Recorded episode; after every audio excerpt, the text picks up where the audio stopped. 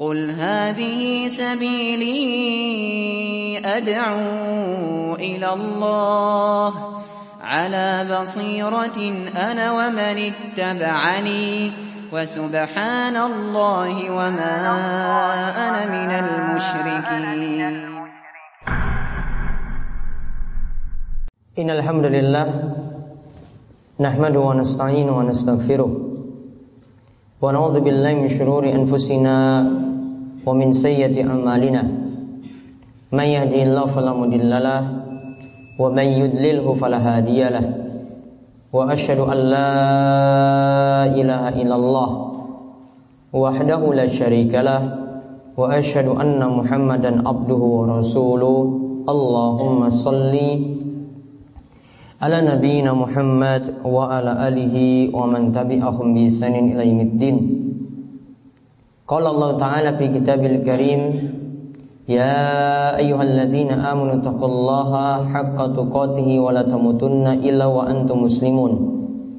Wa qala ta'ala ya ayyuhan nasu taqu rabbakumul ladzi khalaqakum min nafsin wahidah wa khalaqa minha zawjaha wa batsa minhuma rijalan katsiran wa nisaa'a واتقوا الله الذي تساءلون به والأرحام إن الله كان عليكم رقيبا.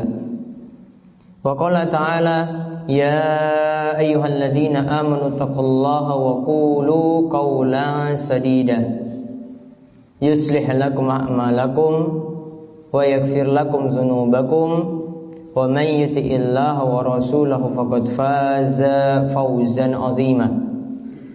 فإن أصدق الحديث كتاب الله وخير الهدى هدى محمد صلى الله عليه وسلم وشر الأمور محدثاتها وكل محدثة بدعة وكل بدعة ضلالة وكل ضلالة في النار معاشر المسلمين jamaah Sholat Jumat yang mugi-mugi senantiasa dirahmati dan diberkahi oleh Allah Subhanahu wa taala.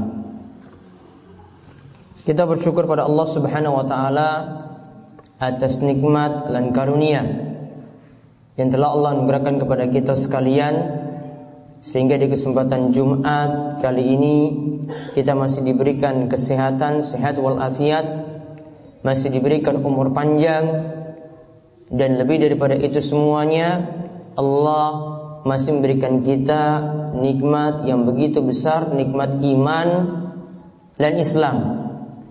Sehingga kita mudah untuk melakukan amal-amal ibadah dan ketaatan semuanya berkat taufik dan hidayah dari Allah Subhanahu wa taala. Salawat dan salam semoga tercurah kepada junjungan kita Nabi besar Nabi Agung Muhammad sallallahu alaihi wasallam pada para sahabat radhiyallahu anhum semoga Allah merahmati mereka semuanya kepada para tabi'in serta para ulama yang telah memberikan contoh contoh yang baik kepada kita semuanya begitu juga kepada setiap pengikut Nabi yang mengikuti beliau dengan baik hingga akhir zaman. Kaum muslimin yang semoga senantiasa dirahmati oleh Allah Subhanahu wa taala, kita ketahui bersama salah satu kewajiban dalam agama kita yaitu mengenai kewajiban berhaji ke Baitullah. Yaitu berhaji ke Baitullah ini diwajibkan bagi orang-orang yang mampu. Mampu secara fisik dan juga mampu secara finansial. Mampu secara fisik punya kekuatan untuk melakukan manasik-manasik haji nantinya. Juga secara finansial, dia orang yang berpunya. Dia orang yang mampu untuk mengeluarkan biaya besar sehingga bisa untuk pergi berhaji. Inilah yang Allah Subhanahu wa taala perintahkan dalam surat Ali Imran ayat ke-97. Allah berfirman, walillahi 'alan nasi hajjul bait man istata'a ilai sabila wa man kafara fa innallaha ghaniyyun 'anil alamin Allah berfirman dan kepada Allah lah setiap manusia itu wajib untuk menunaikan haji ke Baitullah. Di sini dikatakan manistata'a ilai sabila. Ditujukan bagi orang yang mampu untuk melakukan ibadah haji. Yaitu mampu secara finansial, dia orang yang berpunya, yang memiliki penghasilan sehingga bisa untuk mengeluarkan biaya besar sehingga bisa pergi berhaji dan juga mampu melakukan perjalanan secara fisik. Dan siapa yang mengingkari hal ini, ingatlah bahwasanya Allah Subhanahu wa taala ghani. Allah itu tidak membutuhkan makhluknya. Allah itu maha kaya dari apa yang ada di semesta alam. Kemudian kita juga mengetahui dari hadis Nabi Sallallahu Alaihi Wasallam dari hadis diriwayatkan dari sahabat Abdullah bin Umar. Nabi SAW itu bersabda, Islam itu dibangun di atas lima perkara. Bunyal Islamu ala khamsin. Islam itu dibangun di atas lima perkara. Di antara perkara yang disebutkan oleh Nabi SAW, yaitu perkara yang beliau katakan wahajil bait, yaitu berhaji ke Baitullah. Dalam riwayat yang lainnya seperti dalam hadis Jibril yang diriwayatkan oleh Imam Muslim dikatakan uh, dikatakan dengan mastata'tum. Bagi siapa yang mampu di antara kalian, maka berhaji di sini dikaitkan dengan kemampuan. Ada pelajaran-pelajaran penting dari berhaji yang di sini kita bisa ambil dan kita bisa renungkan. Yang pertama, kadang dalam beberapa ibadah itu dikaitkan dengan kemampuan. Artinya kalau yang tidak mampu maka tidak dikenai kewajiban. Islam mendatangkan kemudahan. Dan di dalam surat Al-Baqarah Allah juga berfirman, la yukallifullahu nafsan illa wus'aha. Allah itu tidaklah membebani manusia kecuali apa yang mereka mampu untuk memikulnya. Allah tidaklah membebani manusia kecuali apa yang telah mereka mampu untuk memikulnya. Kalau tidak mampu untuk melakukannya maka tidak dibebani kewajiban tersebut.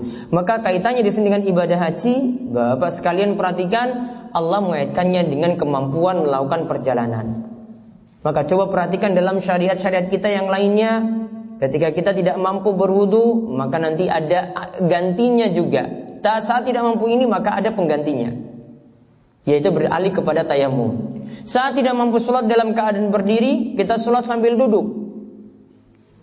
Kemudian dalam hal puasa, ketika kita dalam keadaan sakit, Allah katakan famangkana maridon au ala safarin fa'iddatu min ayamin ukhar. Siapa yang dalam keadaan sakit atau dalam keadaan melakukan safar perjalanan jauh, maka kalau dia tidak puasa, fa'iddatu min ayamin ukhar. Hendaklah dia ganti puasanya di hari yang lainnya.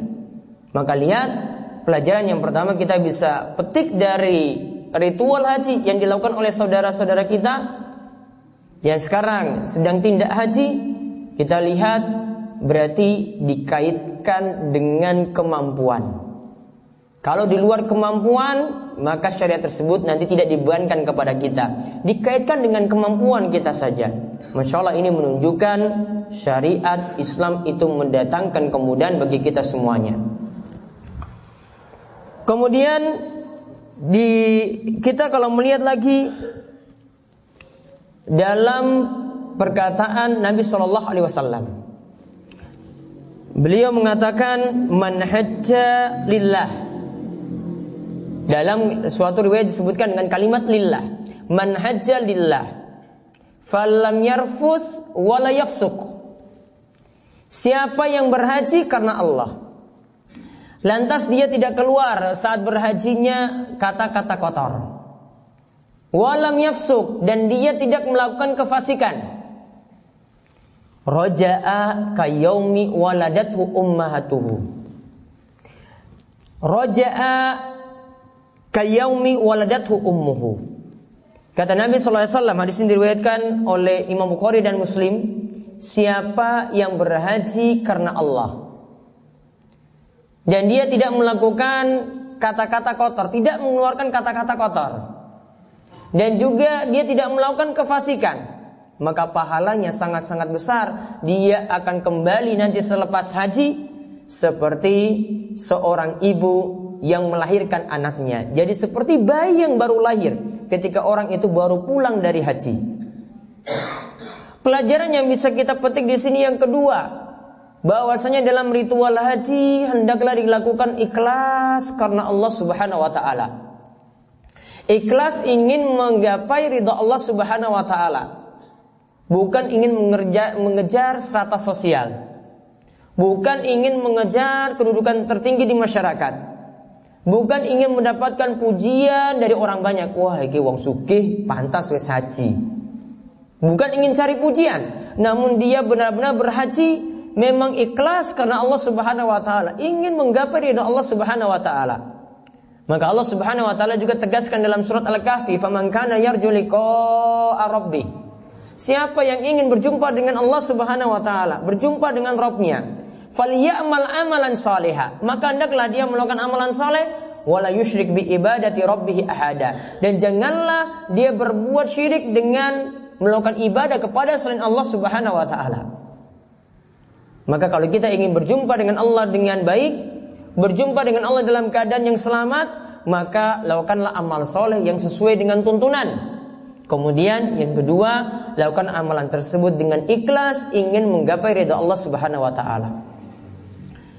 Maka sebagian ulama sampai punya kalimat seperti ini.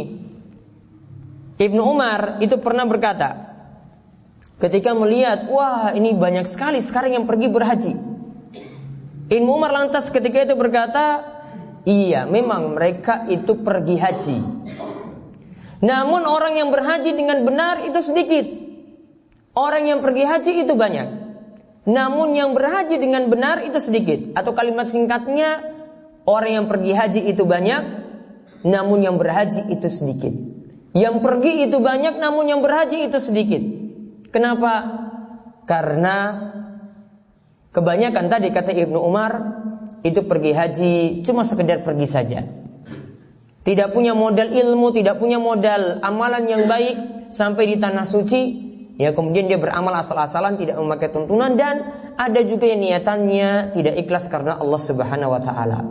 Maka tadi kata Ibnu Umar, banyak yang pergi haji namun tidaklah berhaji. Banyak yang pergi haji namun tidaklah berhaji. Artinya dia cuma sekedar pergi namun amalan hajinya itu ada yang tidak diterima oleh Allah Subhanahu wa taala. Sama seperti sholat kita. Banyak yang melakukan sholat namun ada yang melakukan sholat, sholatnya tidak diterima. Karena pernah Nabi SAW itu menyaksikan ada seorang ada seorang yang pernah masuk masjid. Dia sholat tidak memakai tumak nina. Dia sholat cepat-cepat. Memakai perhitungan waktu. Maka ketika itu Nabi SAW katakan padanya irji fasolli fa inna kalam tusolli. Ulangi sholatmu, sholatlah lagi. Karena sebelumnya kamu itu memang benar-benar belum sholat. Dia ulangi lagi sholatnya. Nabi SAW tegur lagi, irji fasolli fa innaka lam tusalli. Ulangi solatmu. Kamu memang tadi solat, namun solatmu itu tidak benar. Sampai ketiga kalinya sebelum Nabi SAW ingin menegurnya lagi, kemudian dia katakan kepada Rasul SAW, Wahai Rasul, ini solat yang sudah sangat-sangat benar aku itu lakukan. Ya, ma'usinu ghairahu fa'alimni. Ia katakan pada Rasulullah SAW, aku tidak pernah melakukan sholat yang sebaik daripada sholat yang aku lakukan saat ini. Sudahlah Rasul, ajarkanlah aku saja.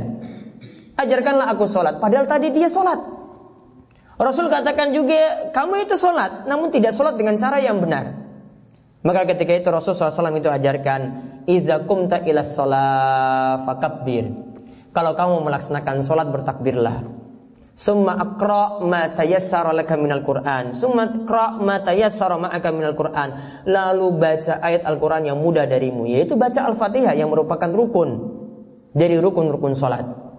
Summa hatta tatma'inna raki'an. Kemudian hendaklah ruku sampai engkau ruku dengan tumak nina. Dia tidak punya tumak nina. Sumarfa hatta ta'tadila qa'iman. Kemudian engkau berdiri tegak Engkau berdiri tegak sampai badan badanmu itu lurus. Sumasjud hatta tatma'inna sajidan. Kemudian sujudlah sampai engkau melakukan sujud dengan tumak nina. Sumarfa hatta tatma'inna jalisan. Kemudian hendaklah engkau itu bangkit dari sujud tadi sampai engkau itu duduk dalam keadaan tumak nina. Waf ala zalika fi sholatika kulliha.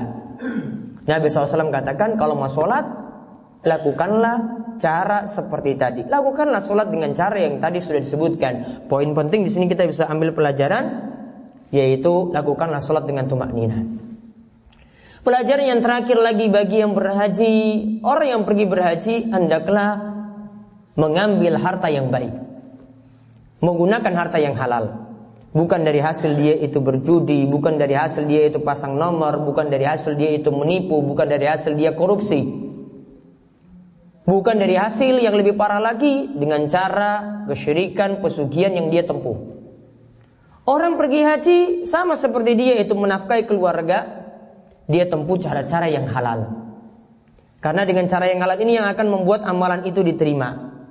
Dan Nabi SAW itu katakan Innallaha tayyibun la yakabalu illa tayyiba Allah itu tayyib Tidaklah menerima kecuali yang tayyib Allah itu baik dan tidaklah menerima kecuali dari yang halal-halal saja Maka amalan haji kalau ini berasal dari harta yang haram maka amalan tersebut tidak akan diterima. Maka begitu juga dengan sedekah kita yang kita keluarkan. Kalau kita keluarkan dari harta yang haram, maka harta tersebut akan membuat sedekah kita tidak diterima di sisi Allah Subhanahu wa taala.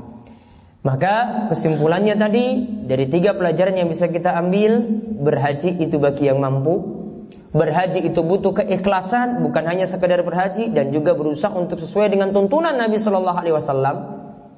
Kemudian yang namanya berhaji juga dapat kita ambil pelajaran hendaklah kita perhatikan harta kita. Gunakan harta-harta yang halal untuk berhaji. Aku lu qauli hadza. Wa astaghfirullah li wa lakum wa lisa'il muslimin. Innahu huwas samiul alim.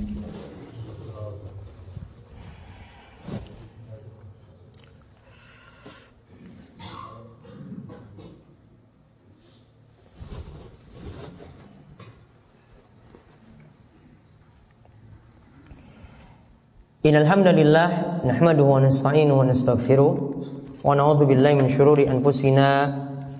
wa min sayyiati a'malina. May yahdihillahu fala mudhillalah wa may yudlilhu fala hadiyalah. Wa asyhadu an la ilaha illallah wahdahu la syarikalah wa asyhadu anna Muhammadan abduhu wa rasuluh. Allahumma salli ala nabiyyina Muhammad wa ala alihi wa man tabi'ahum bi ihsan ila yaumiddin. Kaum muslimin, para jamaah sekalian yang semoga senantiasa dirahmati oleh Allah Subhanahu wa taala. Ada hadis dari Aisyah. Ia katakan pada Rasul SAW, wahai Rasul SAW, engkau tahu jihad yang paling afdal, jihad yang paling utama, dan bolehkah kami, yaitu para wanita, pergi untuk berjihad? Kemudian Nabi SAW katakan kepada Aisyah, jika wanita itu ingin pergi berjihad, beliau katakan afdolul jihad hajjun mabrur. Sebaik-baik jihad itu adalah haji yang mabrur. Sebaik-baik jihad itu adalah haji yang mabrur. Perhatikan pada kalimat dikatakan haji yang mabrur. Mabrur ini berasal dari kata dalam bahasa Arab albir yang punya makna kebaikan. Artinya kalau orang itu berhaji, hajinya haji mabrur setelah berhaji berarti jadi orang yang lebih baik. Jadi orang yang lebih baik daripada sebelumnya. Atau dikatakan oleh Imam Nawawi dalam Riyadhus Shalihin beliau katakan mabrur yang dimaksud huwallazi la yartakibu sahibuhu fi. Kata Imam Nawawi, orang yang hajinya mabrur setelah dia berhaji atau ketika dia berhaji, dia tidak melakukan maksiat lagi atau maksiat yang dia minimalkan dan dia jadi orang-orang yang benar-benar bertobat pada Allah Subhanahu wa taala. Apa yang bisa kita petik dari amalan haji yang mabrur di sini? Bukan hanya amalan haji yang kita butuh mabrur. Amalan sholat kita kita juga butuh mabrur.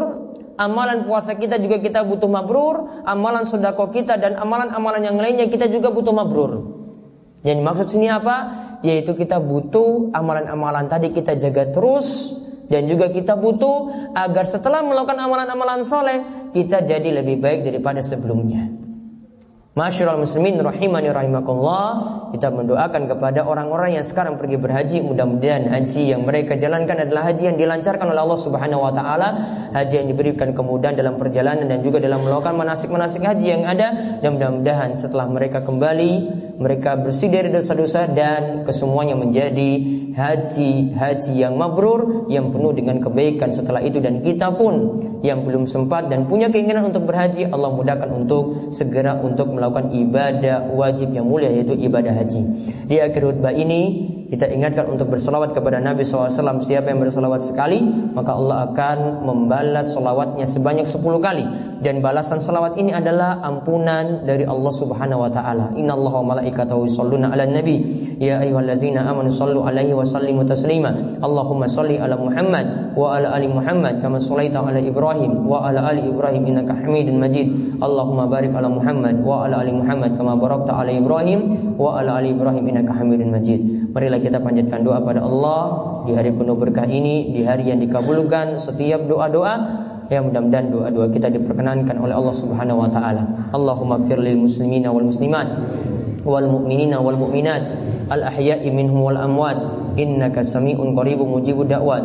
اللهم اقسم لنا من خشيتك ما تحول به بيننا وبين معصيتك ومن طاعتك ما تبلغنا به جنتك ومن اليقين ما تهون به علينا مصائب الدنيا.